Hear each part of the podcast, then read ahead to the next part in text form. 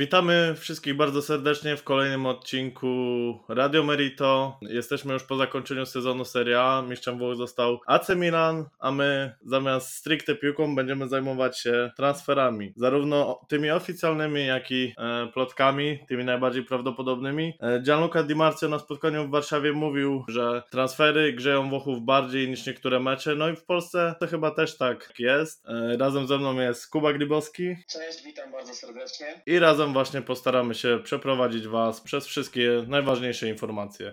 A więc zaczynajmy.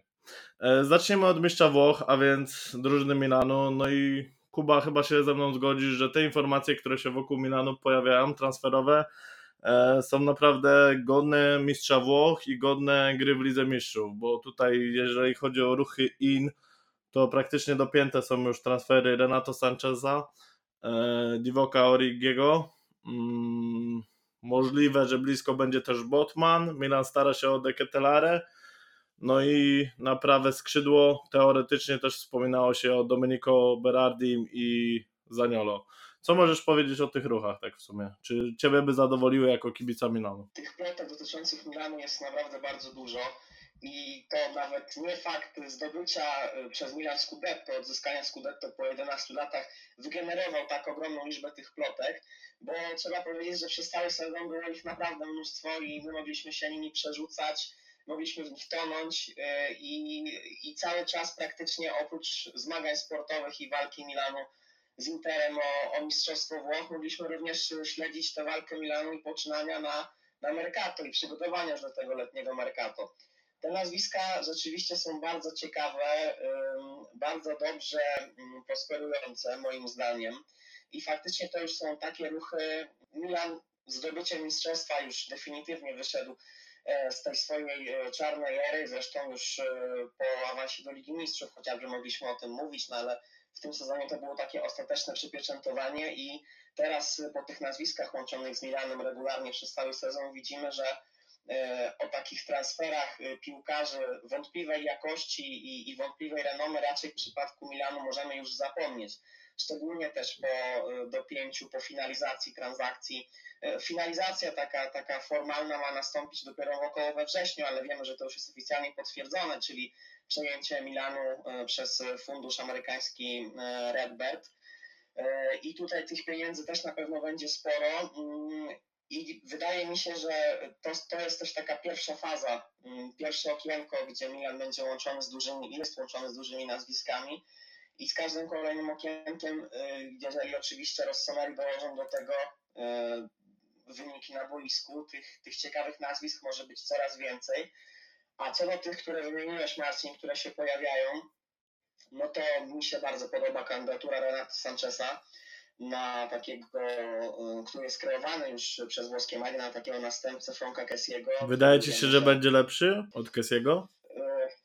Y, wiesz co, no on sobie teraz w tym nim naprawdę radził świetnie przez tych ostatnich sezonach i odnalazł się po tym takim e, zakręcie swojej kariery, który spotkał go bardzo szybko jako wielki talent, e, który objawił się całej Europie. No niestety my odczuliśmy to na własnej skórze na Euro 2016 E, on sobie w tym miejscu radził świetnie i moim zdaniem jest to piłkarz o troszeczkę innych walorach niż Frank Kessie.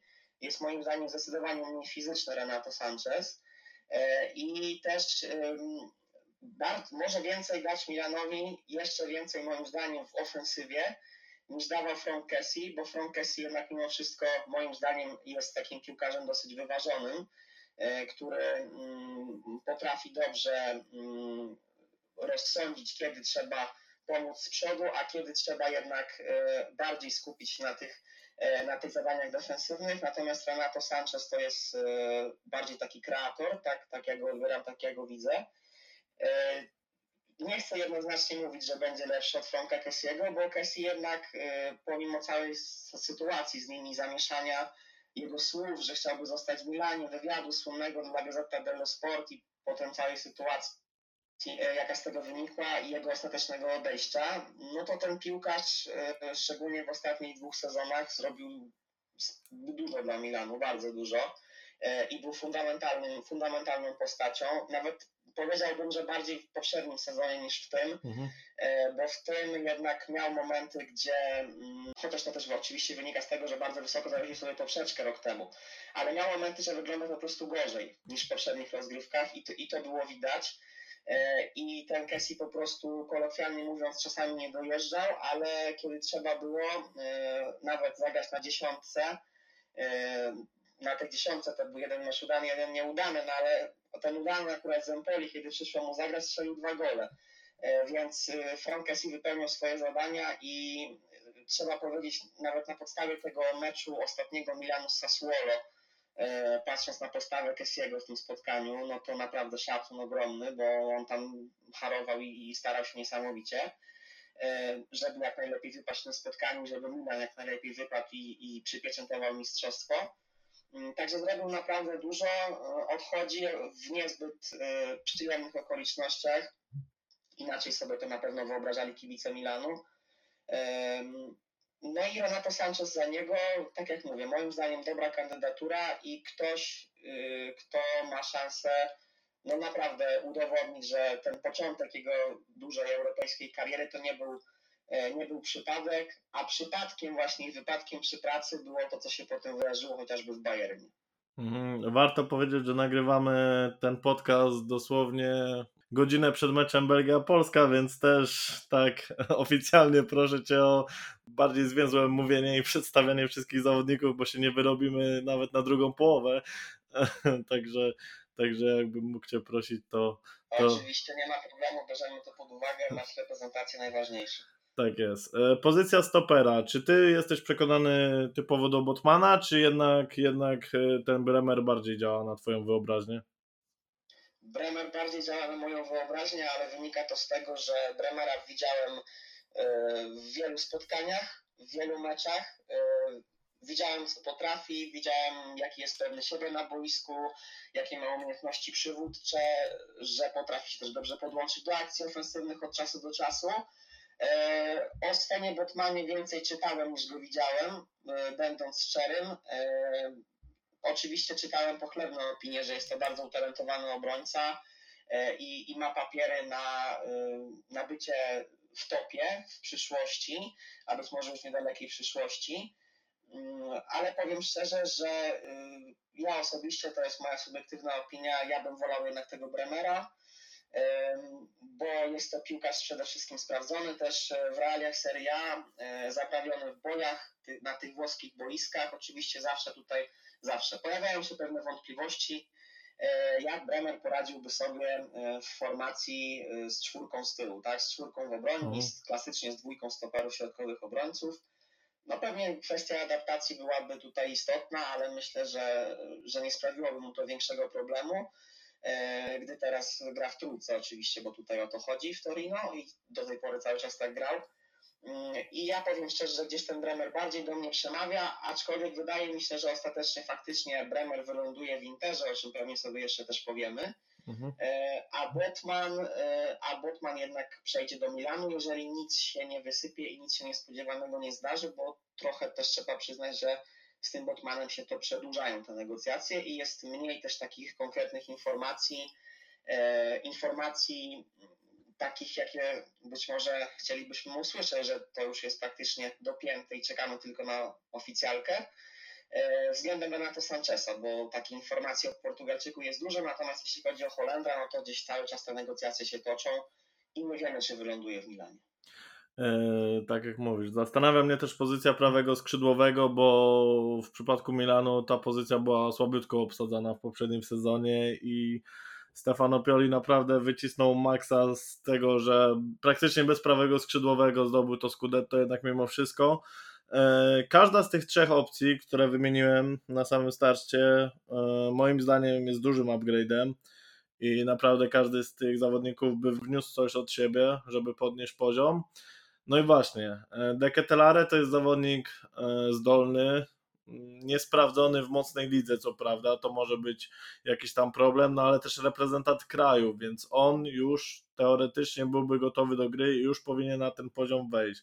Domenico Berardi, no dla mnie to jest piłkarz przekosmiczny, no ale też właśnie nie wiemy jak z tą jak z tą presją by sobie poradził. W Sassuolo to jest gość, który spokojnie może być zaliczany do top 5 zawodników ligi za poprzedni sezon. E, kosmiczne liczby, ponad 30 razy miał udział bezpośredni przy golu. No i Nicolo Zaniolo, który biorąc pod uwagę mm, no, dyspozycję i cenę, bo mówi się, że to właśnie chyba Nicolo Zaniolo byłby najdroższy z tej trójki, chyba jest najgorszą opcją. Kogo ty byś chciał w Milanie? No tutaj trudno się y, z tobą nie zgodzić, że każdy byłby lepszy od Aleksisa Salemakersa, y, który, no mówiąc eufemistycznie, ulubieńcem y, kibiców Milanu nie jest na pewno. Na korzyść Deketelara, o którym wspomniałeś, przemawia też między innymi oprócz tego, że, że jest utalentowany i że dużo się o nim mówi jako o takiej perełce, no właśnie wiek, bo ma 21 lat, jest, jest młodym zawodnikiem, ale gdzieś mam z tyłu głowy taką obawę, być może nieuzasadnioną, być może wynikającą też z jego narodowości, że byłby to drugi Selemakers. Nie wiem, powiem szczerze, że, że nie wiem. No, co też warto podkreślić, jeśli chodzi o Deketelarę, no to jest to zawodnik bardzo wysoki, jak na zawodnika gracza ofensywnego. Ma 192 cm wzrostu. I szczerze mówiąc, ja chyba bardziej skłaniałbym się znów tutaj ku tym naszym znanym, obytym z nas, jako obytym nam, jako fanom calcio opcjom, czyli chociażby ten Domenico, chociażby Domenico Berardi, który no miał fenomenalny sezon w Sassuolo, to jest niezwykle efekt, efektywny piłkarz, liczby niesamowite, wpływ na drużynę też, też ogromny. To byłby świetny transfer, świetny ruch moim zdaniem. Wreszcie ten Berardi jako król, przez zerwał z tą łatką właśnie króla prowincji, którą jednak cały czas ma, będąc Sassuolo i spróbowałby udowodnić, że w dużym klubie, w dużym włoskim klubie z, ze znacznie większymi wymaganiami niż Sassuolo dałby sobie radę. I Nicola Zaniolo, no powiem szczerze, że gdzieś działa na mnie ten Nicola Zaniolo, ale być może dlatego, że y, my cały czas świadomości mamy, y, no kurczę, ten Zaniolo to jest taki wielki talent włoski, ktoś, kto ma stanowić w przyszłości, być liderem reprezentacji i tak dalej, i tak dalej. E, I, i być może najlepszym włoskim piłkarzem w przyszłości. No wiemy, jak zaczynał też te, te, te dwie pechowe kontuzje. Także ta osoba Zaniolo działa na wyobraźnię na pewno, ale patrząc czysto na formę sportową, odkładając na bok e, takie czynniki emocjonalne, to rzeczywiście wolałbym Belardiego. I moim zdaniem taką E, najciekawszą opcją dla Milanu na prawe skrzydło, e, nawet pomimo tego, że z tych wszystkich piłkarzy, które, których wymieniliśmy, Berardi jest najstarszym, byłby właśnie Berardi. E, też ten przykład sprzed paru lat Bayernu w Bundeslidze czy no, Juventusu w Serie A pokazał, że jednak tworzenie zespołu na zawodnikach wyciąganych jakby z drużyn słabszych to jest naprawdę i ogranych przy okazji w lidze, to jest naprawdę dobra opcja i jeżeli robi się to z głową, to to po prostu działa. Jak najbardziej. Super Marcin, że wspomniałeś o Bayernie, bo Bayern to jest po prostu flagowy, książkowy przykład takiego działania, wypatrywania tych y, młodych, zdolnych, utalentowanych graczy w słabszych klubach Bundesligi y, i po prostu wykupywania, tak? Y, wytransferowania ich do siebie, podbierania też w pewnym sensie klubom, niekoniecznie może bardzo słabym, e, niekoniecznie jakimś Beniaminkom, ale nawet, nawet chociażby, nie wiem, Borussii Dortmund właśnie, czy, czy, czy Bayerowi, czy Wolfsburgowi. E, I takie działanie przynios, przynosiło Bayernowi efekty i właśnie chociażby we Włoszech klub taki jak Milan, który e, teraz zdobył mistrzostwo, jak najbardziej mógłby pójść tym tropem I to wcale nie, nie jest taka zła taktyka, wręcz przeciwnie, moim zdaniem nawet dobra. Bayern to pokazał w ostatnich latach, to jest świetny przykład. Mhm. E, ruch związany z Divokiem Origim to jest chyba coś, co nie generuje większych kontrowersji. E, Belk powinien spokojnie wykręcić liczby na poziomie Oliviera Giroud, który zagrał dobry sezon, więc wydaje mi się, że tu, tu ryzyko jest stosunkowo małe. Tak, Origi jest bardzo solidnym piłkarzem, pokazał to w Liverpoolu zawsze, kiedy Jurgen Klopp go potrzebował, to ten Origi wchodził i zdobywał bramki, asystował, e, był bardzo zaangażowany w grę, w ten pressing też e, słynny Jurgena Kloppa. Także on w Milanie nie powinien mieć problemów z tym, żeby się sprawdzić, a wiemy, że ta, mm, to bogactwo urodzaju, przybytku głowa nie boli, jak to się mówi, Milanowi będzie bardzo potrzebne, bo, bo dojdzie rywalizacja mm, znów, tak jak na jesieni tego roku w Lidze Mistrzów, E, i trzeba będzie te, te rozgrywki łączyć e, i tym razem jako mistrz Włoch no, nie wypadałoby nie wyjść z grupy, e, więc ta, to wsparcie dla Oliwiera Giroud, dla, dla Zlatana Ibrahimowicza również, ale wiemy, że Zlatan teraz leczy kontuzję i nie będzie go kilka dobrych miesięcy, 7-8 miesięcy przerwy, więc przede wszystkim dla Oliwiera Giroud tutaj to wsparcie w ataku musi być i Divo Corrigi z solidnym wsparciem na pewno moim zdaniem będzie.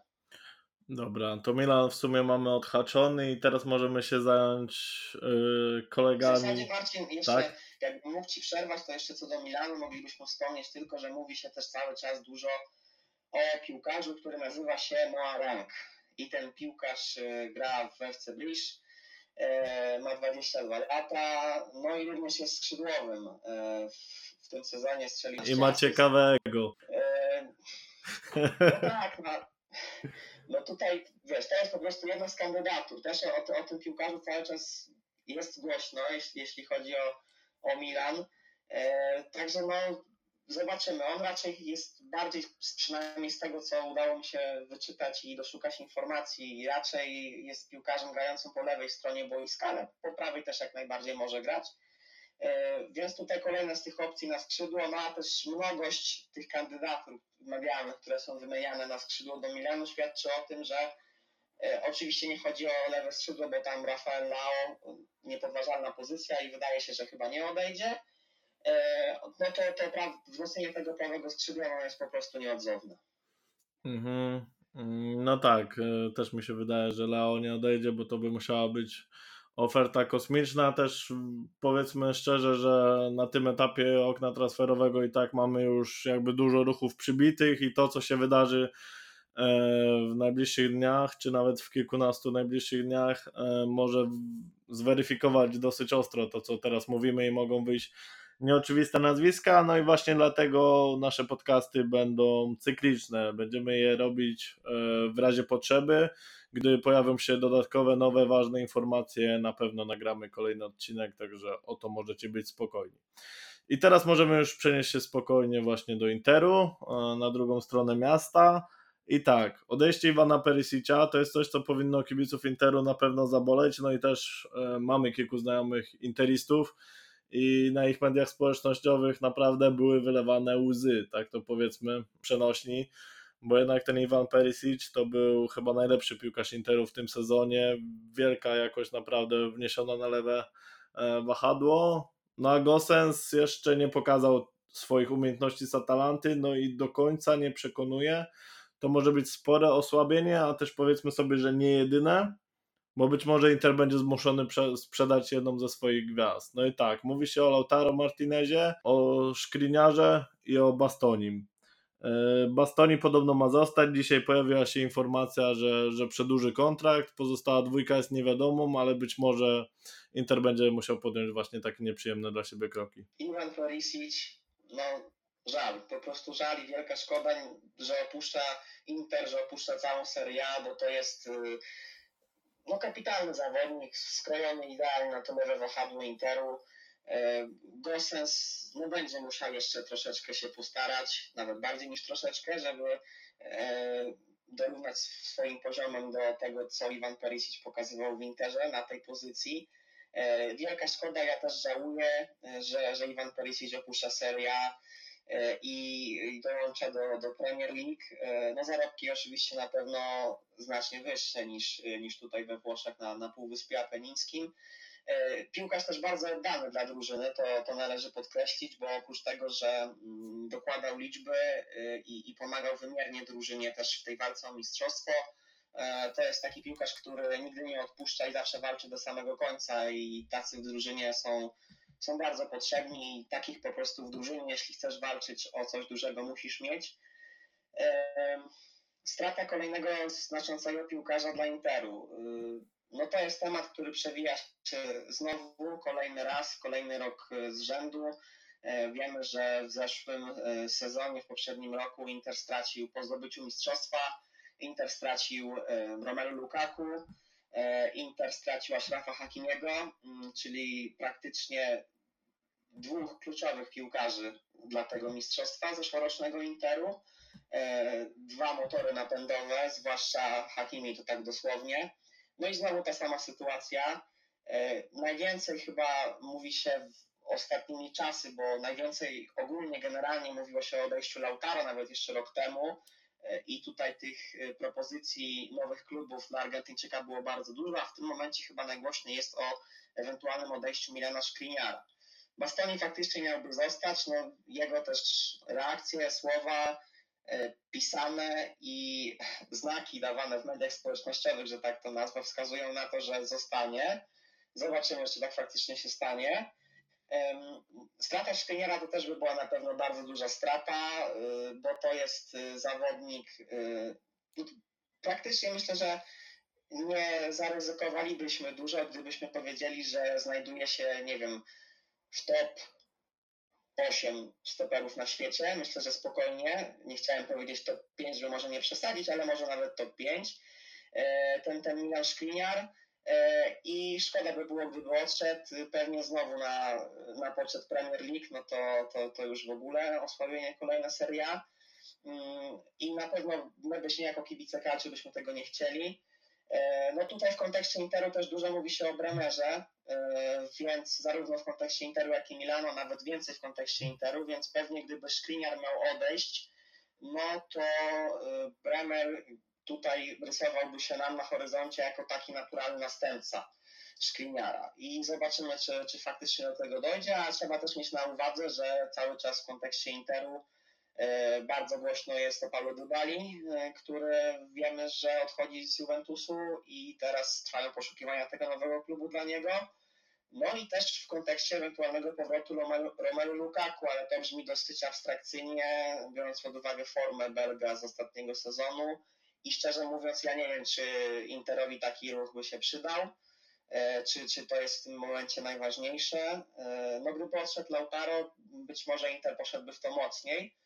E, ale też sposób, w jaki pożegnał się Lukaku z Interem, no tutaj pozostawia dużo wątpliwości i, i nie wiem po prostu, czy, czy Romelu Lukaku, czy jest w ogóle sens, żeby do tego jeszcze wracać. Dzisiaj w mediach widziałem taką informację, że w przypadku odejścia właśnie Lautaro Martineza Inter by się rzucił na Paulo Dybale i Romelu Lukaku na ten zestaw, na ten duet i szczerze, mimo dobrej postawy w końcówce sezonu Lautaro, ja bym się nie zastanawiał, brał to, a też pewnie cenowo e, Inter by wyszedł przy tej okazji jeszcze na plus. E, w przypadku odejścia e, któregoś z środkowych obrońców, pewnie właśnie tak jak mówiłeś do Premier League i pewnie znowu do Antka Conte, który solidnie rozkupuje naszą ligę, E, no właśnie byłby ten Bremer i wydaje się, że po, po pewnym okresie na wdrożenie się na klimatyzację ten gość byłby w stanie zastąpić mm, któregoś z tych dwóch obrońców jeden do jednego. Też warto powiedzieć o innych ruchach. Henryk Mikitarian e, jest ciekawą opcją i prawdopodobnie już podpisze kontrakt z Interem jako wolny zawodnik. To samo tyczy się Andre Onany, który, którego widzieliśmy w akcji chociażby podczas Pucharu Narodów Afryki. No i tam mu nie szło. On też jest po, po dyskwalifikacji, także ten ruch jest dosyć niepewny i nie jestem do końca przekonany, czy on yy, jest godnym następcą Handanowicza, czy, czy Inter jednak po Onanie będzie miał jeszcze kogoś, kogoś nowego, kogoś lepszego od Onany, jeśli on rzeczywiście nie odpali. No a też ostatnią już taką opcją jest y, talent z Cagliari, Raul Bellanowa, prawy wahadłowy. Wydaje się, że y, jedno z odkryć poprzedniego sezonu. Powiedziałeś Marcin o Conte i, i Conte chyba chce zrobić w Tottenhamie taki drugi Inter, nie? I, i wygrać Mistrzostwo Anglii. No zobaczymy, no byłoby, nie, nie było tych ruchów aż tak dużo do, do Anglii, do Premier League, do, do Tottenhamu niech ci piłkarze zostają i, grają w tej, w tej naszej Serie A, bo, bo są potrzebni, bo, żeby ten, ten poziom jednak trzymać. E, Henryk Mkhitaryan e, to jest ciekawe wzmocnienie, chociaż no, wydaje mi się, że mimo wszystko chyba nie do pierwszego składu. Ale nawet, ale nawet na ławce warto mieć takiego piłkarza, uważam. Tak, tak tutaj, tutaj pełna zgoda. Jak najbardziej Doświad... się zgadzam, na, na ławkę rezerwowych, na, y, na zmianę, na grę w jakichś powiedzmy meczach, kiedy rotacje będą potrzebne, a wiemy, że te rotacje w pewnym momencie sezonu zawsze są potrzebne i, i warto je robić i trzeba je robić i nawet trenerzy, którzy tego nie lubią, to w końcu dojrzewają do decyzji, że no, jednak trzeba trochę porotować albo po prostu są do tego zmuszani przez kontuzje i, i inne czynniki pozaboiskowe również. E, więc Mkhitaryan tak, jako taka opcja zapasowa, że tak powiem. E, Bremer, no, no mówimy tutaj to, o czym wspomnieliśmy w kontekście Milanu, że no musiałby się wdrożyć w grę z tylko jednym partnerem obok siebie, na środku obrony, a nie dwoma, no to w Interze nie miałby z tym problemu, bo Inter i za Antonio Conte i teraz za Simone Inzaghiego gra trójką z tyłu, także tutaj sytuacja byłaby bliźniacza do, do Torino, do, do stylu gry Torino, więc możemy przypuszczać, że Bremer wchodzi z marszu.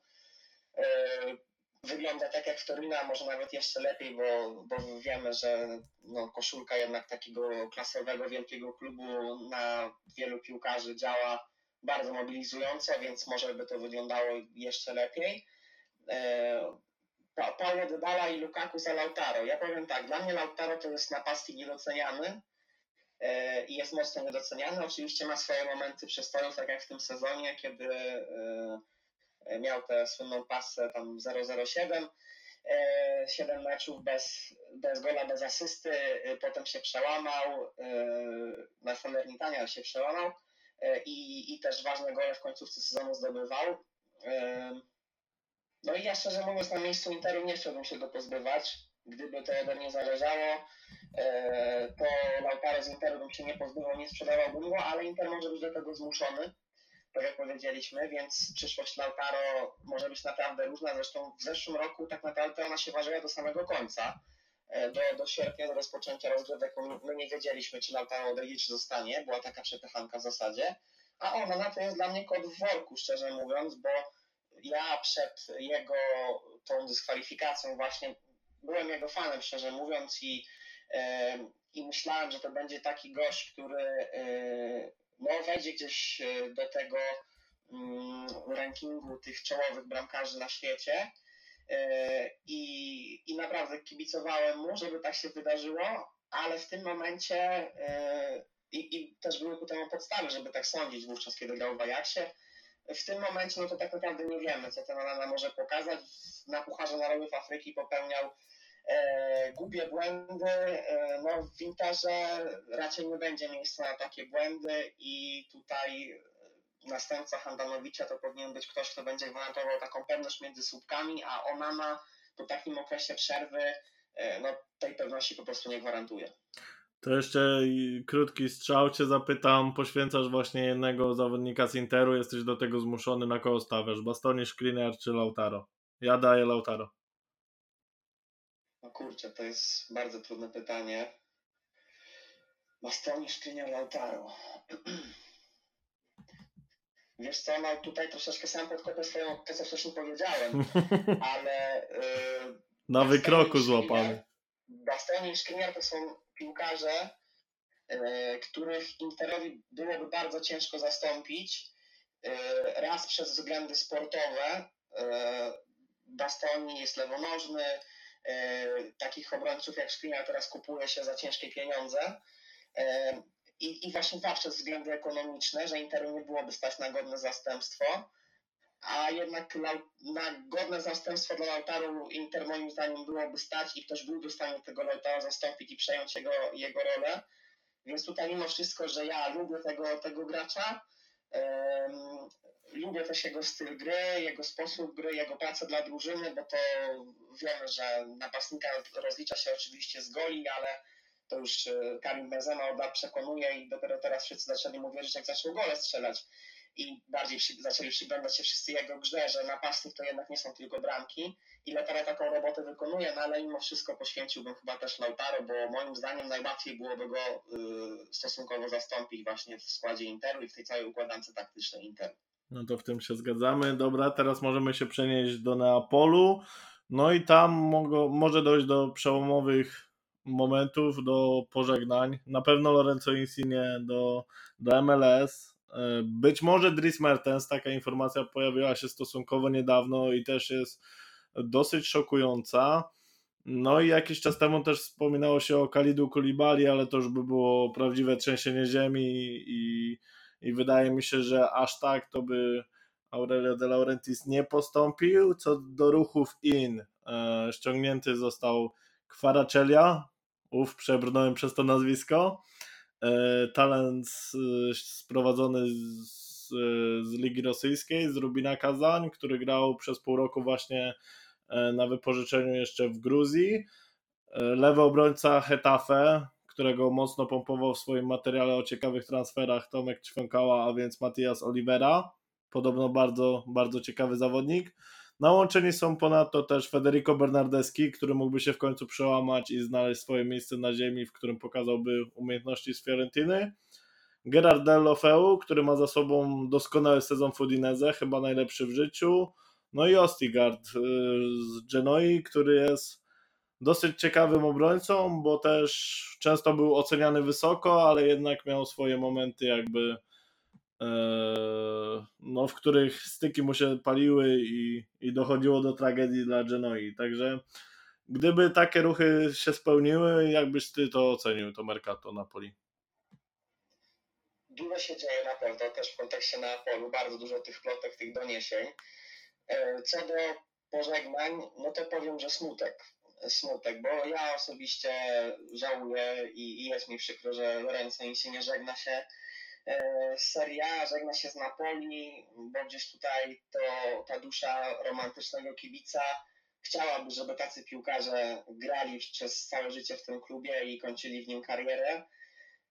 No niestety piłka nożna to jest biznes i pieniądze też się liczą. Y, dostał w Toronto istnieje kontrakt życia, więc po prostu go zaakceptował y, bez żadnych sentymentów wobec Napoli i, i będzie teraz grał w MLS.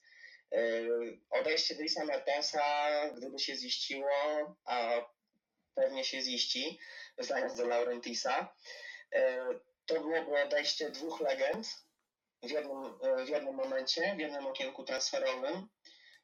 A gdyby jeszcze doszedł do tego Kalidu Kulibali, to byłoby odejście trzech legend. E, bo chociaż wiemy, że Napoli no, tego Scudetto upragnionego nie może wygrać cały czas i byli już bardzo blisko i, i gdzieś za każdym razem no po prostu na ostatniej prostej Napoli zalicza upadek i, i albo nawet jeszcze trochę wcześniej, tak jak w tym sezonie i nie jest w stanie tego, tego mistrzostwa wywalczyć. No ci piłkarze dla klubu zrobili bardzo dużo i przez lata trzymali go na takim bardzo dobrym europejskim poziomie. Więc to, to byłoby trzęsienie ziemi, tak jak powiedziałeś, trzęsienie ziemi pod Wezuwiuszem. E, a historia pokazuje i przykłady innych drużyn, innych włoskich drużyn, i tutaj mam na myśli głównie, to był troszeczkę inny przypadek, e, aczkolwiek nieco podobny. Milanu, kiedy Milan rozstawał się ze swoimi senatorami, e, i takie próba przeprowadzenia takiej rewolucji pokoleniowej i przebudowy drużyny w jednym oknie transferowym nigdy nie kończy się dobrze. I ja bym tego Napoli nie polecał, bo coś naprawdę może tąpnąć i to się może dla Napoli po prostu źle skończyć. I ta pozycja, którą przez lat, na którą przez lata pracowali, e, jeszcze z Mauricio Sarim na ławce trenerskiej, e, po prostu tę pozycję oni mogą stracić, gdyby to się ziściło, bo nie uda im się y, dokonać trzech takich ruchów, żeby zastąpić trzech takich graczy jak Insigne Mertens i, i Koulibaly. Z tych transferów, o których się mówi, Bernardeski mi się to, to podoba, bo mi jest szkoda tego chłopaka trochę, bo on się stał takim piłkarzem memem, a wiemy, że e, we Florencji, w barwach Fiorentiny to był gość z potencjałem e, na klasowego zawodnika w skali światowej, nie tylko w skali włoskiej. E, w Serie A. E, w Juventusie mu nie poszło, e, zdecydowanie mu nie poszło, zresztą chyba już powinien odejść jakiś czas temu z tego Juventusu, może rok temu. Gdzieś wydaje mi się, że nawet ten sezon był niepotrzebny i można było wcześniej podjąć próbę ratowania tej kariery, ale trzeba ją jeszcze podjąć. I w Napoli mogłoby mu się to udać, moim zdaniem, gdyby gdzieś tam po tej swojej prawej stronie hasał i, i mógł wykorzystywać atut w postaci tej swojej lewej nogi. Pewnie wtedy znowu odzyskałby miejsce w reprezentacji takie stałe, gdyby dobrze prezentował się w Napoli, bo Roberto Mancini bardzo go lubi. O tym też wiemy. No i on też w tej reprezentacji nie wygląda aż tak źle, jak już grał. Tak, tak, to też jest prawda, że ta koszulka reprezentacji Włoch działa na niego bardzo pobudzająco. On też mam wrażenie jest tam ważną postacią w szatni, z tego co widziałem na materiałach w trakcie Euro zwłaszcza. Tak, tak, to prawda, też, też się z tym zgadzam. No, tak jak mówię, gdyby jeszcze dołożyć do tego ten, ten aspekt sportowy, któremu w tym momencie, którego w tym momencie Bernardyskiemu brakuje, to byłoby super, a w Napoli moim zdaniem mógłby odnaleźć takie swoje miejsce na ziemi. Więc y, tutaj może to być już z korzyścią dla jednej i dla drugiej strony. Y, Matias Olivera, no to rzeczywiście to jest, to jest ciekawy zawodnik, interesujący, tym bardziej, że ma dopiero 24 lata, więc tutaj kawał kariery jeszcze przed tym chłopakiem. Urugwajczyk, także już po samej nacji, po samej narodowości możemy się spodziewać, że jest to piłkarz charakterny lewonożny lewy obrońca, no to bezpośrednia konkurencja i może wreszcie to, o czym przez y, kilka sezonów ostatnich się mówi, że kto y, zmieni, wreszcie podmieni na tej lewej stronie tego nieszczęsnego Mario Ruiego, którego my tak troszeczkę, y, z którego my tak troszeczkę się podśmiewamy, niekoniecznie zawsze um, mamy do tego podstawy, bo wiemy, że Mario Rui też dobre mecze miewał w tym sezonie, E, i paradoksalnie ten sezon nie był taki zły w jego wykonaniu, ale no teraz wchodzi Matias Olivera, czyli zawodnik um, ograny w Hiszpanii. Myślę, że e, ma szansę sobie poradzić i wywalczyć sobie tę lewą stronę dla siebie w Napoli. Um, Kwaraskelia, no to też jest piłkarz przede wszystkim 21 lat, szybki, dynamiczny na skrzydło i no myślę, że może nie do pierwszego składu od razu, ale gdzieś powoli, żeby go wdrażać, żeby pokazywać mu tę ligę, to też może zaprocentować w przyszłości dla, dla Zurich. E, bo my jako kibice polskiego futbolu możemy go kojarzyć z meczów eliminacyjnych do Ligi Konferencji Europy. E, Rubina Kazan z Rakowem Częstochowa, chociaż e, tam więcej było tego wiatru przez, przez Karaczkelię robionego, a mniej efektów, co akurat było korzyścią dla Rakowa, który wyeliminował Rubini i awansował do kolejnej rundy. Ale w tym Neapolu to, to może być ciekawe ruch, ciekawe nazwisko i e, wspomniałeś jeszcze o... Deulofeu i Ostigard. O Ostigardzie, tak, Ostigard. No i powiem szczerze, że tutaj się jak najbardziej z Tobą zgadzam, bo to jest e, chłopak, który ma potencjał e, i dobrze wykorzystuje swoją fizyczność, moim zdaniem, tak bym to określił, ale czasami właśnie gdzieś ta głowa nie dojeżdża niestety i popełnia no, głupie błędy i przede wszystkim e, no, głupio się zachowuje na boisku, jakieś, jakieś czerwone kartki i, i tak dalej, sytuacja, kiedy to jest zupełnie niepotrzebne, więc e, czasem coś, coś w tej głowie e, szwankuje, więc trzeba tutaj ten aspekt mentalny poprawić, ale materiał na dobrego obrońcę, moim zdaniem solidnego, naprawdę solidnego i być może w Napoli przyszłoby mu się oswoić też z presją, ze stawką i E, taka świadomość by do niego doszła wreszcie, że no nie mogę czegoś takiego robić na boisku, e, osłabiać drużyny w takich kluczowych momentach.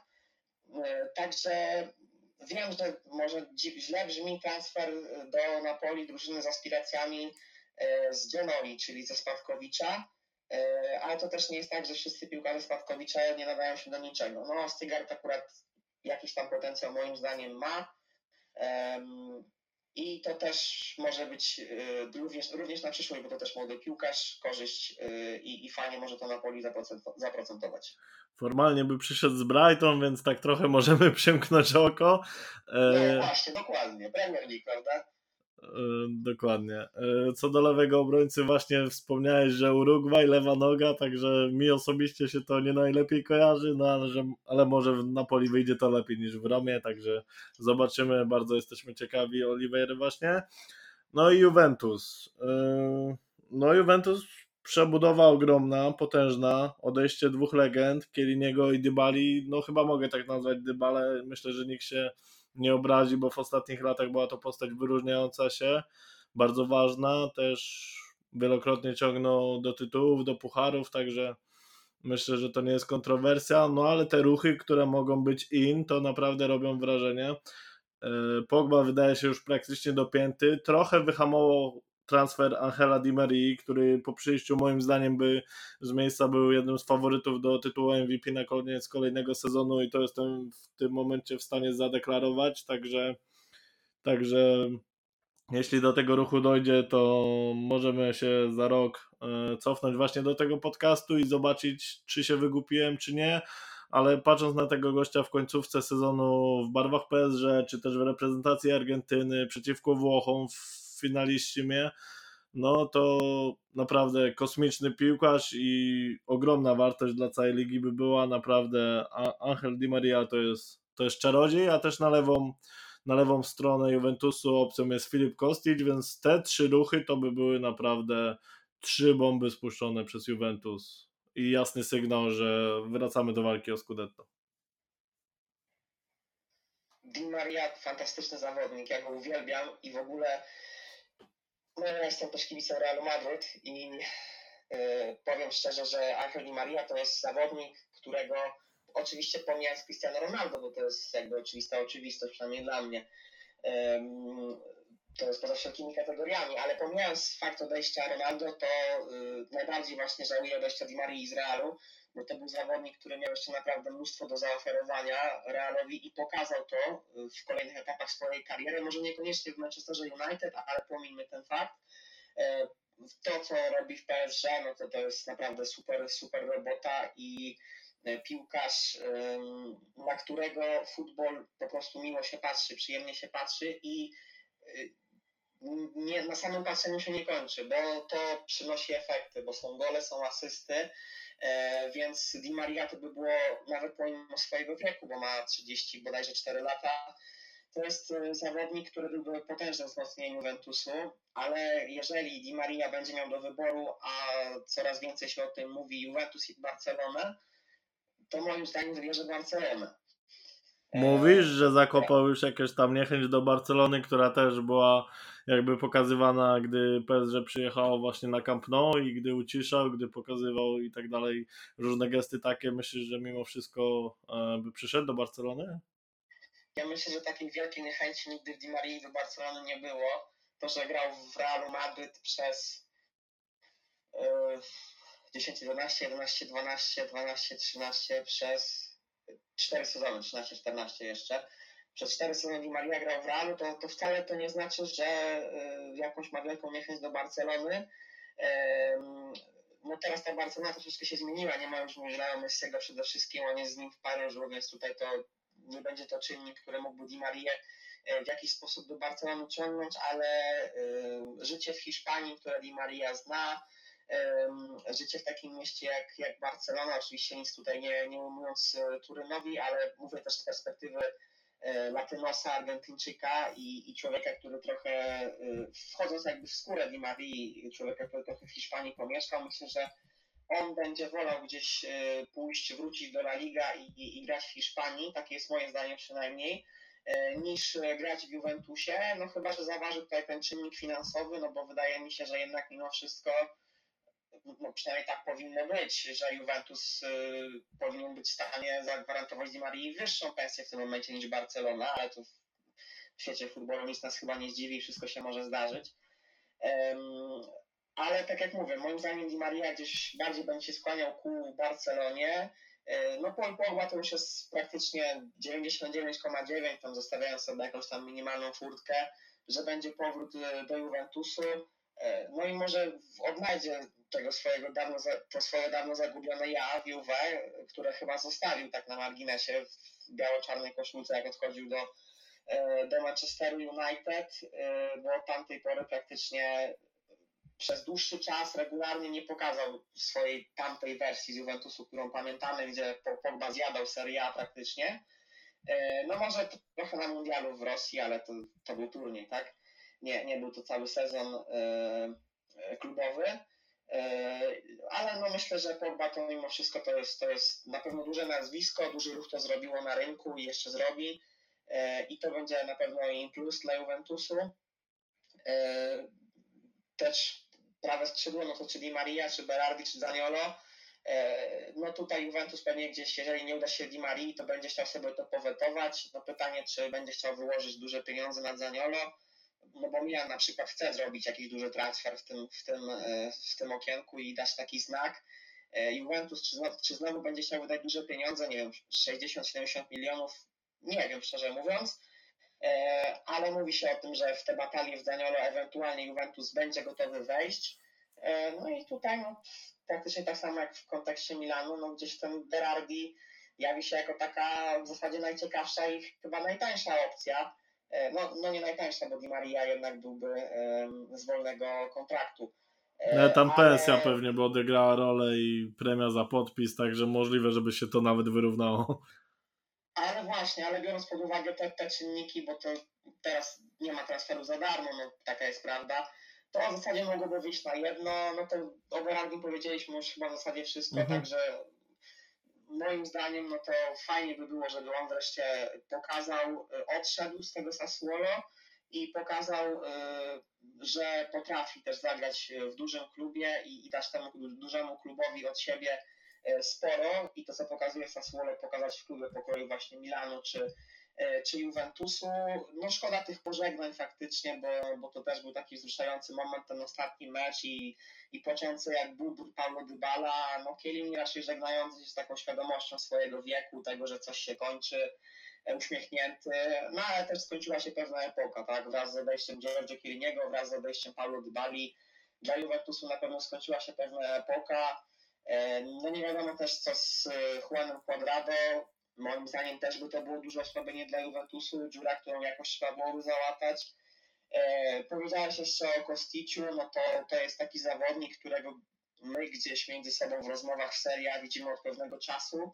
Jakiś e, dwóch lat na dobrą sprawę, więc naprawdę już. Tak, tak, łączy się, łączy się go z przeróżnymi klubami, bo już łączyło się go z Romą i łączyło się go z Milanem, także z Lazio. E, teraz tak, z Lazio, tak, no z Lazio to w sumie było nie całkiem blisko e, tego transferu. E, teraz z Juventusem, e, no moim zdaniem to by było świetne wzmocnienie, naprawdę super wzmocnienie, bo e, Filip Kostić to jest taki piłkarz, coś w stylu Iwana Perisicia, tylko no też troszeczkę inaczej grając na tym troszeczkę inaczej grając na tym lewym wahadle, bo wiemy, że piłkarz lewonożny, tak? Iwan Perisic to jednak prawa noga, chociaż lewą też operuje świetnie.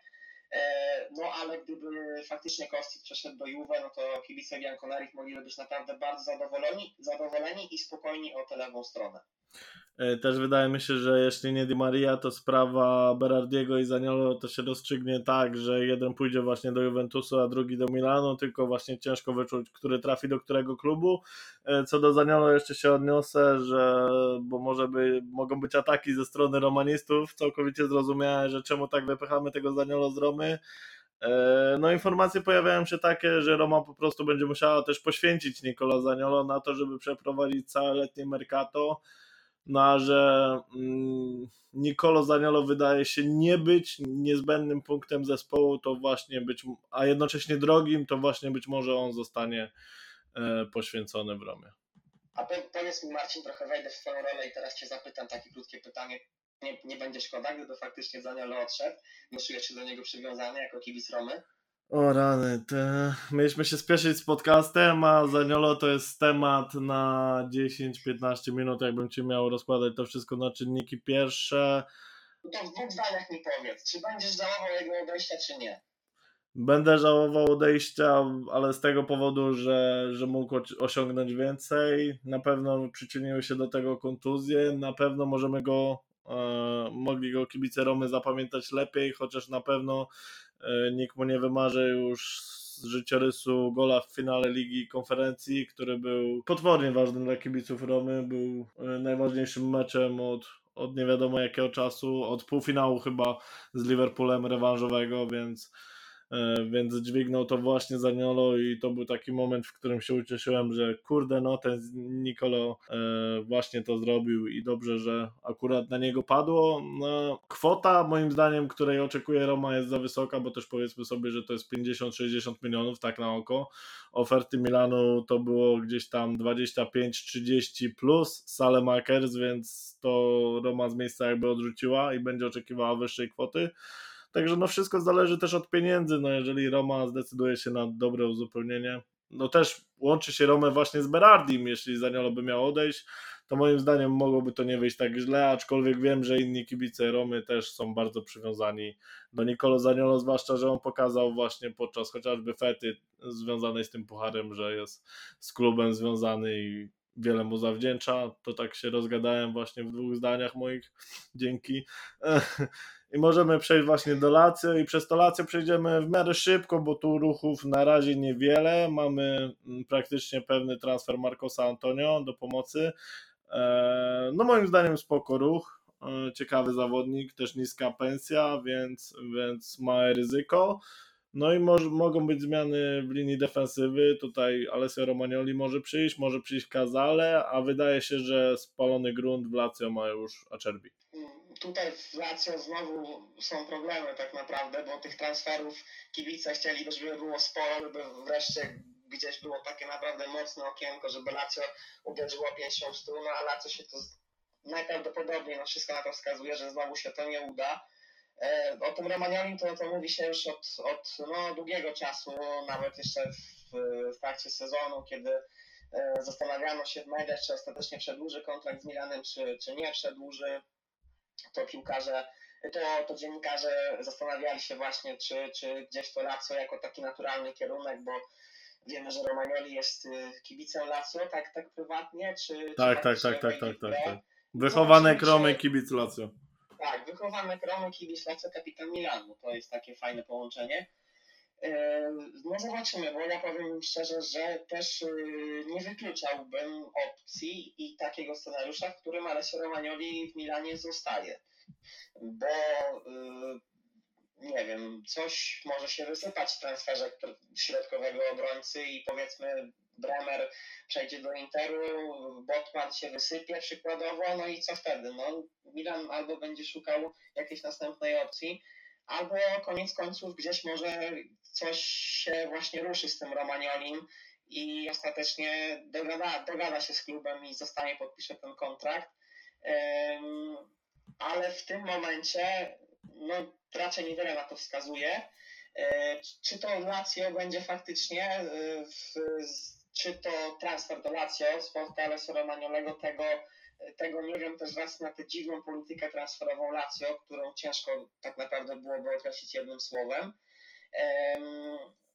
Marcos Antonio, no to tak, no to tutaj zgadzam się, że to jest e, do, do, no dobra, no inwestycja na przyszłość po prostu, bo, bo to jest 21-letni Bazylijczyk, no 22-letni prawie. E, I gość z Szachtara Donieck, czyli tutaj e, powiedzmy, że pod kątem Brazylijczyków, no taka w miarę sprawdzona marka, bo, bo gdzieś ci Brazylijczycy z Szachtara, jak szli dalej, to przeważnie pokazywali, że no nieprzypadkowo trafili do, e, do Europy.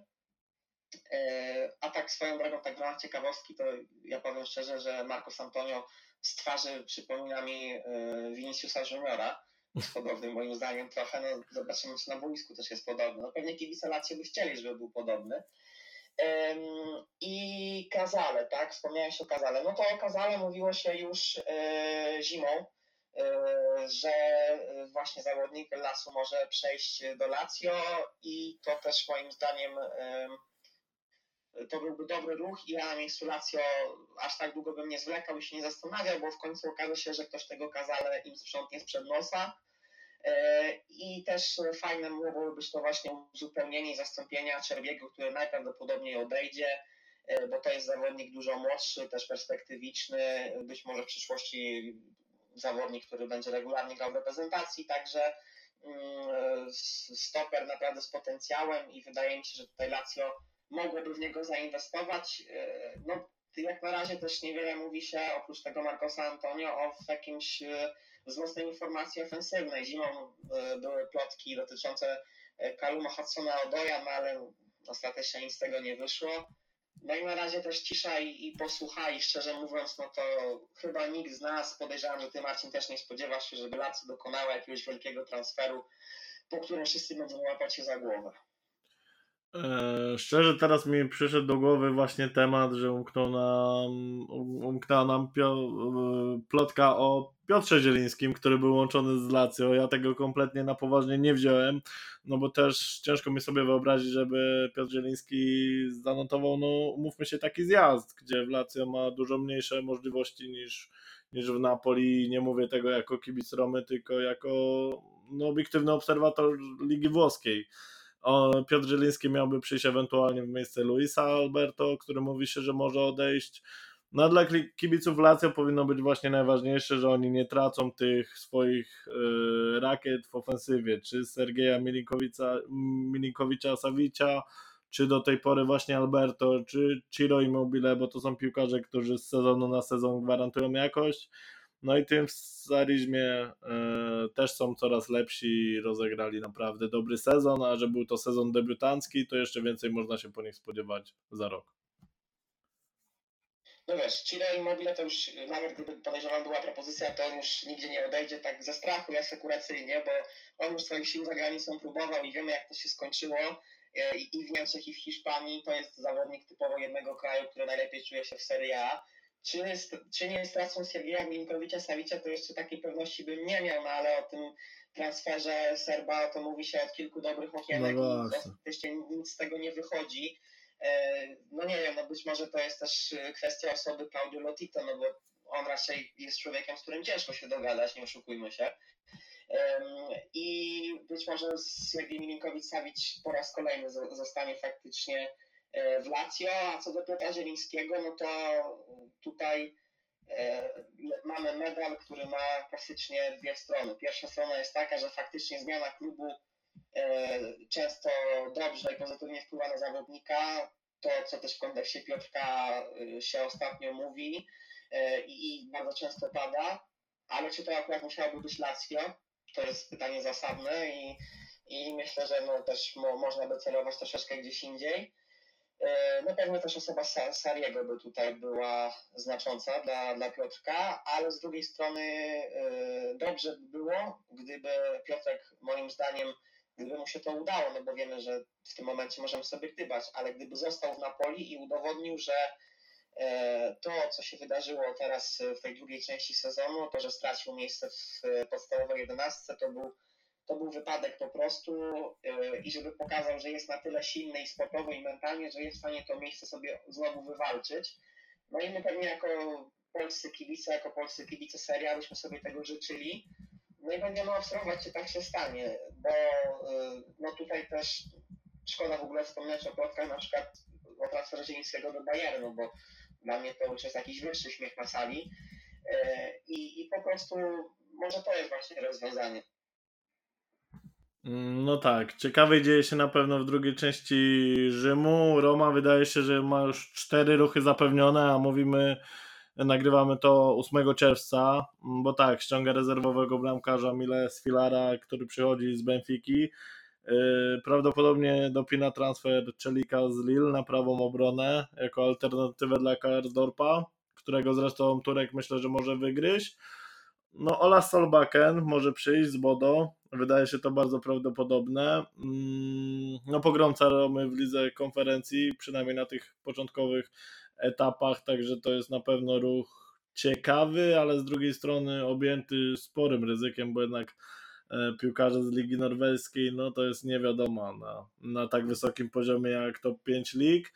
No i Nemanja Matic. Y, Jose Mourinho po jakimś czasie ponownie zajdzie się ze swoim żołnierzem i, i obaj panowie będą najprawdopodobniej współpracowali. Te cztery transfery są praktycznie dopięte.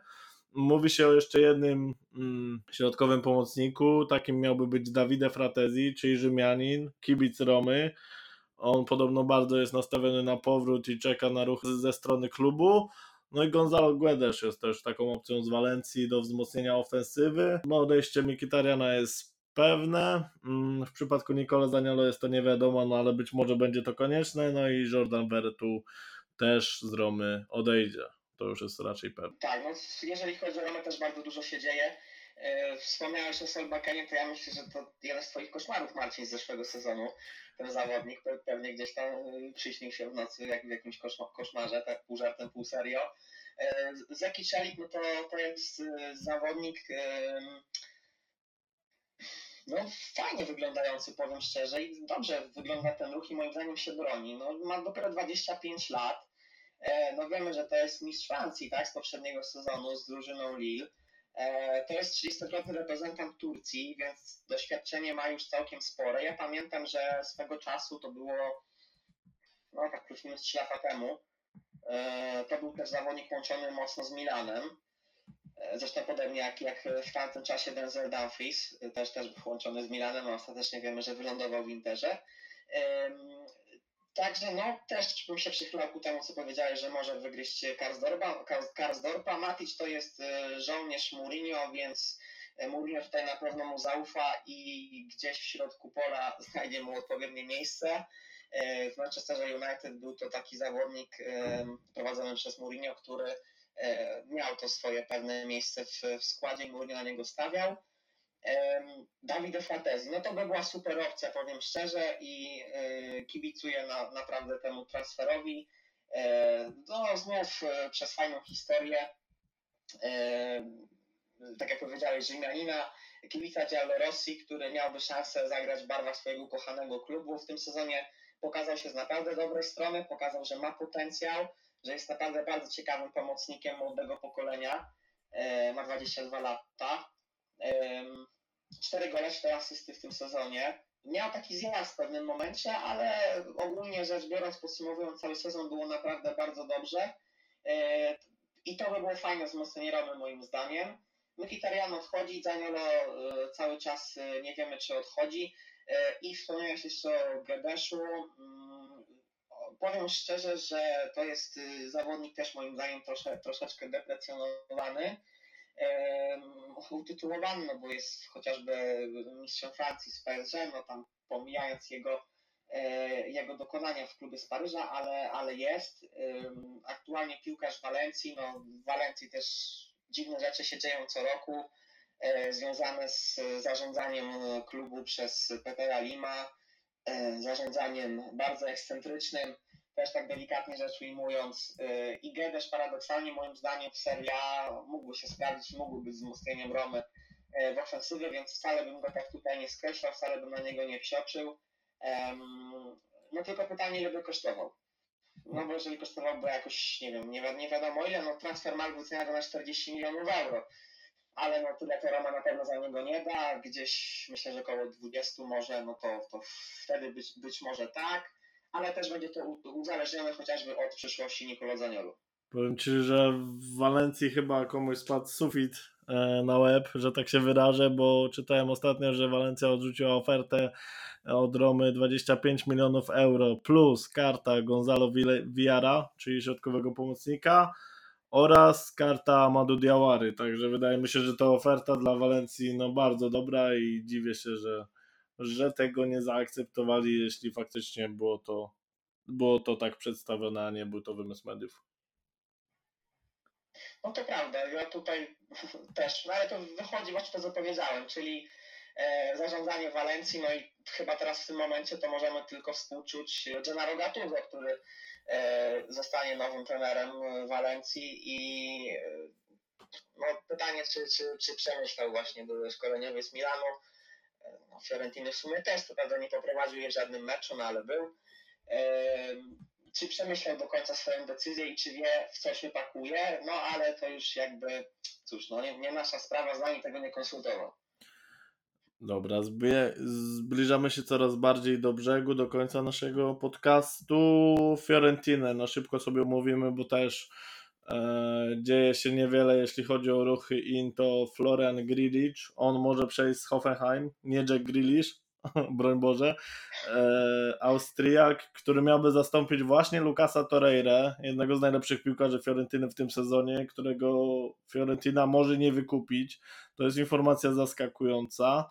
E, też podobnie jest w przypadku Alvaro Odriozoli, którego tak jak pisałeś bodaj na grupie chce Real, E, u siebie mieć i sprawdzić go, więc ten ruch też może być wykluczony. Nie wiemy dokładnie co z naszym Krzyśkiem Piątkiem, nie wiemy jaka będzie jego przyszłość.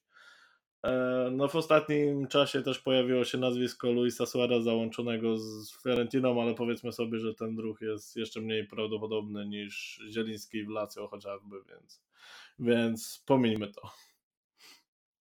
Tak, no tutaj to też wydaje mi się, że co do takich y, plotek i, i pogłosek to nie ma co y, przywiązywać wagi. Zresztą jakiś, nie wiem, miesiąc, może dwa miesiące temu też y, mówiło się o Suarezie w kontekście Interu.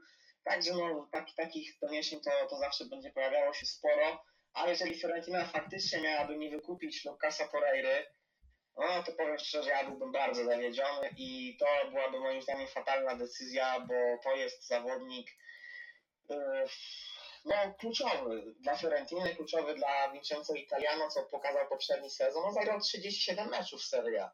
37 na 38 i wiemy, że potrafił też e, zdobyć bardzo ważne bramki. Bramki dające Fiorentinie bezpośrednio 3 punkty. W takich meczach, kiedy trzeba było przysłowiowo przepchać kolanem i, i, i wygrać, to, to często był tym zawodnikiem, który, e, który dawał zwycięstwo. E, także nie przebierając słowa, gdyby faktycznie Wiola nie wykupiła e, Urugwajczyka, to moim zdaniem byłoby to frajerstwo, mm, bo, bo to jest piłkarz niezwykle potrzebny tej drużynie i, i niezwykle potrzebny e, Vincenzo Italiano. Co do piątka, to, e, faktycznie no, nie wiadomo, co się teraz wydarzy, ale ja ostatnio przeczytałem, że jeżeli Herta byłaby skłonna obniżyć swoje oczekiwania dotyczące wykupu Polaka, to może Fiorentina się ku temu skłoniła, żeby gdzieś jednak tę opcję zapasową, rezerwową e, na napad mieć. E, I, i zobaczymy, czy, czy to się gdzieś potwierdzi, czy jednak Krzysztof Piątek będzie musiał sobie szukać miejsca w jakimś innym klubie. Podejrzewam, że włoskim, bo, bo no, on się tutaj czuje jak ryba w wodzie, e, więc pewnie gdzieś by zatrudnienie zdołał znaleźć. I wspomniałeś jeszcze o o, i złapałeś mnie na wykroku, bo już sobie skasowałem tę Fiorentinę w pliku mm, w Wordzie. E, wspomniałem o Odriozoli. Aha, Odriozola, tak, dokładnie. No to tak, wątek związany z Realem. No to powiem, powiem Ci szczerze, że ostatnio tych doniesień dotyczących Odriozoli jest mniej, ale wynika to z tego, że w Madrycie się wszyscy skupili na innych rzeczach, bo się skupili na Lidze Mistrzów E, na wygranym finale, na przedłużaniu kontraktów z niektórymi zawodnikami, jak na przykład z Luką Modriciem, który dzisiaj przedłużył kontrakt, na całej sytuacji związanej z Kylianem Mbappé, e, także troszeczkę inne rzeczy zajmowały tutaj Real w ostatnich tygodniach, ale w trakcie sezonu, kiedy e, podkreślmy to jeszcze raz, Odrozora wyglądał naprawdę dobrze w barwach Fiorentyny, to mówiło się o tym, że Real rzeczywiście będzie chciał, żeby ten Odrozora do, do Madrytu wrócił na Bernabeu i i żeby dostał po prostu szansę na pokazanie się właśnie w koszulce Realu. E, także od tamtej pory więcej jakichś wiążących informacji nie było i zobaczymy jak to się rozwinie, ale raczej e, w tym momencie e, możemy przypuszczać jak na razie tylko, bo tak jak mówię, nic oficjalnego nie jesteśmy w stanie powiedzieć, że faktycznie no, Odrezola nie zostanie we Florencji na, na kolejny sezon, a, a biorąc pod uwagę to, jak się prezentował w tym ubiegłym, no to będzie to osłabienie prawej strony obrony. Mm, dobra, teraz zajmiemy się Sassuolo i tutaj głównie rozchodzi się o ruchy z klubu, nie do klubu. E, najbardziej prawdopodobne wydają mi się transfery Domenico Berardiego i właśnie Davide Frateziego, a oprócz tego mnóstwo, mnóstwo plotek przywija się odnośnie Skama, Kira, Spadoriego, Maxima Lopeza i Hameda Juniora Traore. Każdy z nich jest zawodnikiem ciekawym, każdy z nich wnosi ogromną jakość do ofensywy do ofensywy Sassuolo i te nazwiska kuszą największe zespoły, nie tylko we Włoszech, bo też, bo też w przypadku chociażby Skamaki mówi się o opcjach zagranicznych, czy to Arsenalu, czy nawet z przymrożeniem oka można mm, traktować dzisiejsze doniesienia o zainteresowaniu ze strony PSG, no ale jednak jeśli taka informacja wychodzi, to już naprawdę sugeruje, że ta grupa zawodników jest utalentowana i i warto tutaj ją przejrzeć, dokładnie przeanalizować. No i właśnie pytanie do Ciebie. Mm, który z nich, który z tej szóstki zawodników odejdzie w tym oknie? No na pewno nie odejdą wszyscy, to, to, tak, to mogę tak. powiedzieć na pewno, bo e, no, nie można robić, tak jak już wspomniałem e, w kontekście Napoli, nie można robić tak gwałtownej przebudowy w jednym okienku transferowym, aczkolwiek Sassuolo to jest taki interesujący klub, że on zawsze, kiedy te swoje kluczowe ogniwa sprzeda, a wiemy, że, że sprzedaje, bo, bo to, to jest klub jednak, który mm, no, lubi zarobić z transferów obiecujących graczy i, i też taką ma politykę, to potrafi za jakiś czas y, znaleźć, dążyć kolejnych dobrych piłkarzy utalentowanych, którzy pokażą się w barwach tego Sassuolo i pójdą gdzieś dalej w świat. Także zachowując wszelkie proporcje, to mi się to gdzieś kojarzy z taką taktyką od czasu do czasu takiego budowania solidnej ekipy, z której później wszyscy są rozkupowani sukcesywnie e, do Ajaxu. Ajax też, e, mhm. ta słynna szkółka Ajaxu, wiemy, i, i ci piłkarze promowani na cały świat, na te topowe ligi, to w zachowaniu oczywiście wszelkich proporcji, przekładając je na takie włoskie podwórko, Sassuolo robi coś podobnego, też wypuszcza kilka takich, e, takich ciekawych nazwisk, a potem sprzedaje je i potem buduje od nowa drużynę, która znów ma ciekawe nazwiska i znów jest w stanie e, zaskoczyć. Kto, kto odejdzie? No myślę, że najbardziej prawdopodobne to jest odejście jednak tego Skamarki, e, bo Berardi, my mówimy tutaj o Milanie, o Juventusie, o Romie, ale w zeszłym sezonie też się dużo mówiło o tym, że on chce odejść, że on już nawet tam weto postawił, że, że chce w ogóle odejść, a ostatecznie skończyło się tak, że został. Także myślę, że w tym roku może być podobnie, że jest dużo plotek, jest dużo pogłosek i jest dużo doniesień, a ten Domenico Berardi tak czy siak to Sassuolo zostanie, dalej będzie tam wykręcał świetne liczby, no ale dalej będzie tylko Sassuolo. Uzna, że, uzna, że wszyscy koledzy odeszli, to on jeden będzie ciągnął ten zespół. Do, dokładnie, może być taka sytuacja. W kontekście każdego innego piłkarza, z którym wymieniłeś, tych plotek i klubów, z którymi się ich łączy, jest, jest mnóstwo. Um, Fratezi um, w końcu moim zdaniem do tej Romy trafi, więc on też, też odejdzie. On no, też z Interem jest łączony, nie? Także to też jest poważna tak. bardzo opcja. Tak, tak, to, to też prawda, że, że jeszcze tutaj Inter pojawia się w jego kontekście. No Skamarka to już w ogóle jest z każdym praktycznie łączony ale na przykład jak odejdzie Skamarka, moim zdaniem to nie odejdzie Raspadori. Gdzieś wydaje mi się, że, że nie, nie nastąpi taki krach.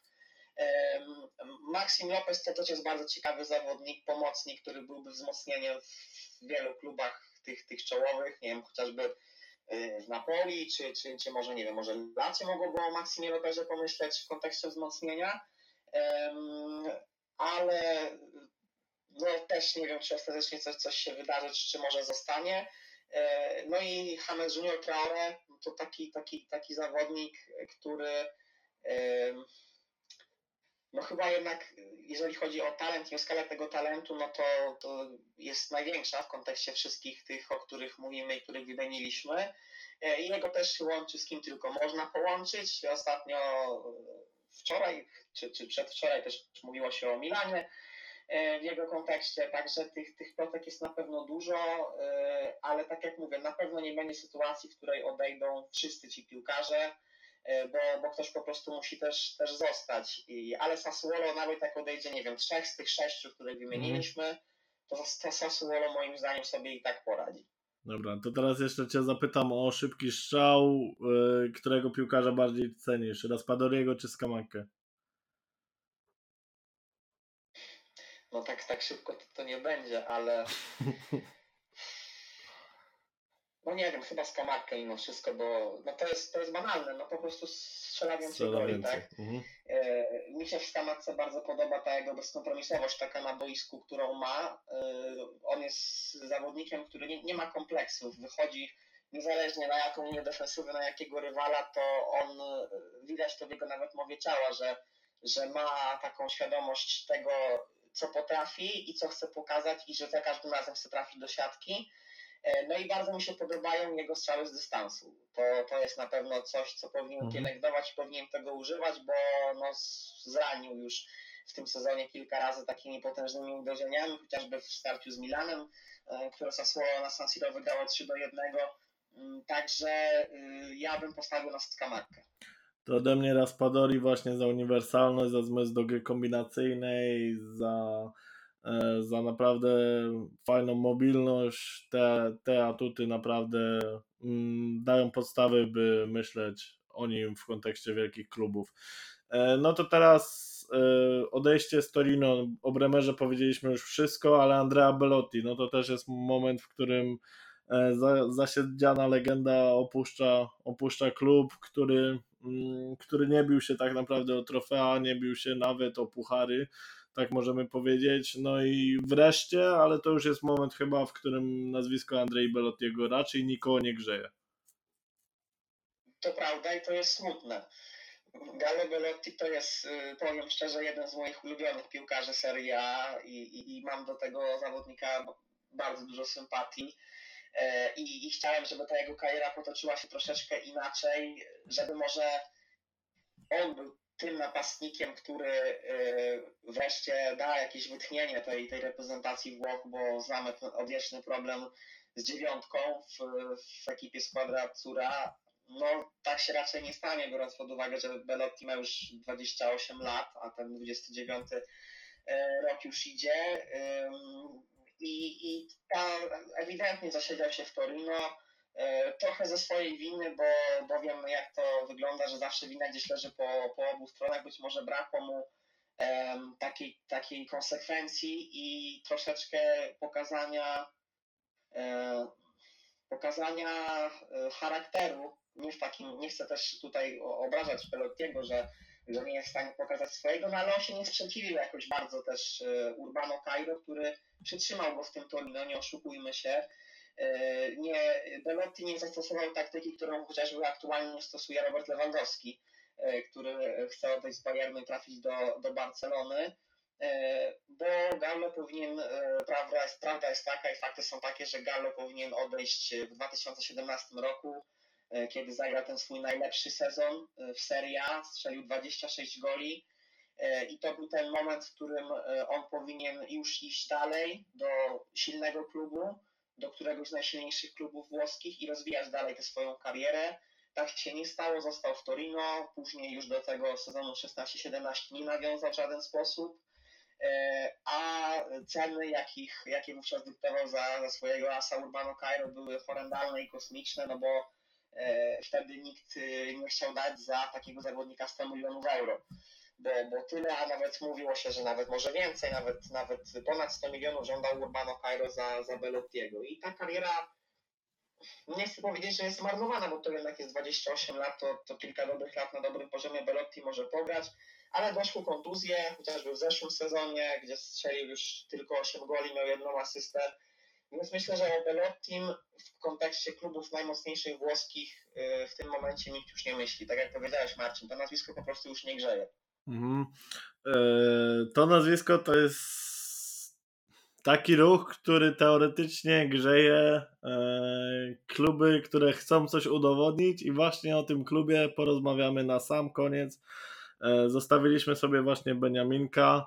Monca wreszcie weszła do Serie A i wydaje się, że chce wejść do tej ligi z futryną, z drzwiami i naprawdę zawojować tę ligę. Nie tylko się utrzymać, ale być może powalczyć e, w ciągu pierwszego czy drugiego sezonu właśnie o nawet top 10, o tę lewą stronę tabeli, bo wymienimy sobie wszystkich zawodników łączonych i wydaje mi się, że część z tych ruchów jest naprawdę realna. Wszystkich zawodników łączonych w ostatnich dniach e, z Mocą to właśnie Belotti, El Sharawi, Antonio Candreva, Sensi, Junior Messias, Caldara, Ranocchia, Pinamonti, e, też nasz Karol Linetti, mm, nawet e, Balotelli czy Francesco Acerbi. No i tak, żeby analizować realność każdego z tych ruchów, to raczej byłbym na nie, ale całokształt naprawdę robi wrażenie i, i naprawdę mamy duże oczekiwania co do Moncy. Tak, to, to na pewno robi wrażenie i samo to pokazuje, że Monca no, chcę mocno zaznaczyć swoją obecność w Serie A po tym, jak wreszcie udało im się awansować przy no, ogromnym udziale Krystiana Gytkiera, byłego napastnika Lecha Poznań, pięć goli w, w barażach, także no tutaj y, ogromna zasługa Tuńczyka y, i y, ambicja nieprzejednana cały czas pomimo upływu lat Silvio Berlusconiego, tak, właściciela Moncy, E, który nas od 2018 roku kupił klub tylko za 3 miliony euro. Teraz w niego sukcesywnie inwestuje. Kiedy przejmował Monce, ona była w Serie C. Mamy dwa awanse do Serie B i teraz, teraz awans do Serie A. E, Berlusconi no tutaj przymrużeniem oka oczywiście mówi o, o tym, że on ma ambicje ogromne, sięgające nawet Mistrzostwa Włoch czy Ligi Mistrzów, w nawiązaniu do swoich dawnych sukcesów z Milanem, ale to tak jak mówię, z przymrużeniem oka oczywiście. No w Moncy też jest Adriano Galliani, czyli y, przyjaciel y, Berlusconiego, dyrektor sportowy y, i, i były dyrektor sportowy wieloletni Milanu, czyli tutaj gdzieś Lombardia Milan cały czas to jest obecne w, w kontekście Moncy i, i w dyskusji o, o tym klubie. Tych nazwisk jest naprawdę bardzo dużo, gdyby chociaż dwa, trzy z nich się zrealizowały, i znalazły swoje potwierdzenie w rzeczywistości, no to byłoby super moim zdaniem już dla takiego klubu jak Łąca, dla Beniaminka, e, który będzie poznawał tak naprawdę klimat e, tych włoskich salonów najwyższej klasy rozgrywkowej. No Golotti wątpię, że będzie chciał przejść do Moncy, tak odnosząc się już tylko do niego, e, bo... Wydaje się, że właśnie opcja zagraniczna, bo też łączyło się go albo z MLS, a w ostatnich dniach z Monaco. Tak, tak, też, też, też mi się wydaje, że pójdzie tym tropem, bo w tym momencie e, nie ma żadnych tutaj informacji, e, jakoby miał dołączyć do któregoś właśnie z tych czołowych włoskich klubów. Także wydaje się, że to jest najbardziej prawdopodobne. A Monca, no to może to już jest w tym momencie, to już jest smaczek i ogromna ciekawostka, a jeszcze kiedy sezon się zacznie, kiedy zacznie się granie, no to ta Monca będzie jeszcze większą ciekawostką. E, a San Silvio Berlusconi to, e, takie, taką chęć e, pokazania światu, że on cały czas potrafi i, i cały czas dużo, dużo może miał już na samym początku, kiedy miał taki zamysł, żeby sprowadzać również głośne nazwiska, kiedy jeszcze Monza grała na tym trzecim, drugim później poziomie rozgrywkowym.